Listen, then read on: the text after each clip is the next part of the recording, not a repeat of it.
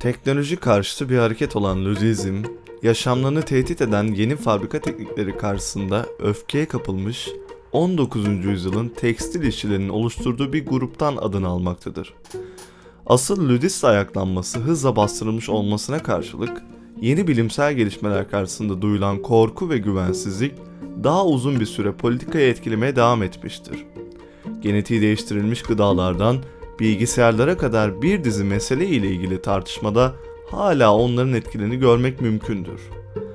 Asıl Ludistler adlarını Ned Lud'dan almaktaydılar.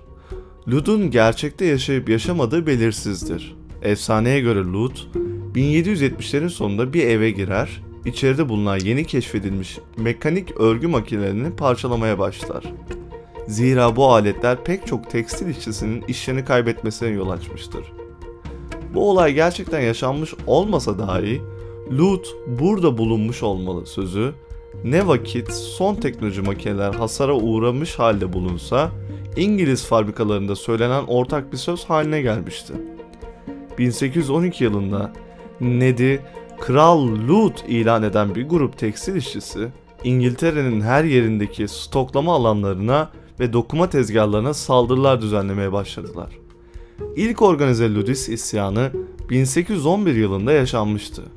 İsyan ancak 2500 kişilik bir kuvvet eliyle bastırılabildi. Kısa süre sonra makine kırmak büyük bir suç olarak kabul edildi. 1813 yılında New York'ta yapılan bir yargılamanın ardından 17 kişi bu kanunu ihlal ettikleri gerekçesiyle idam edildiler.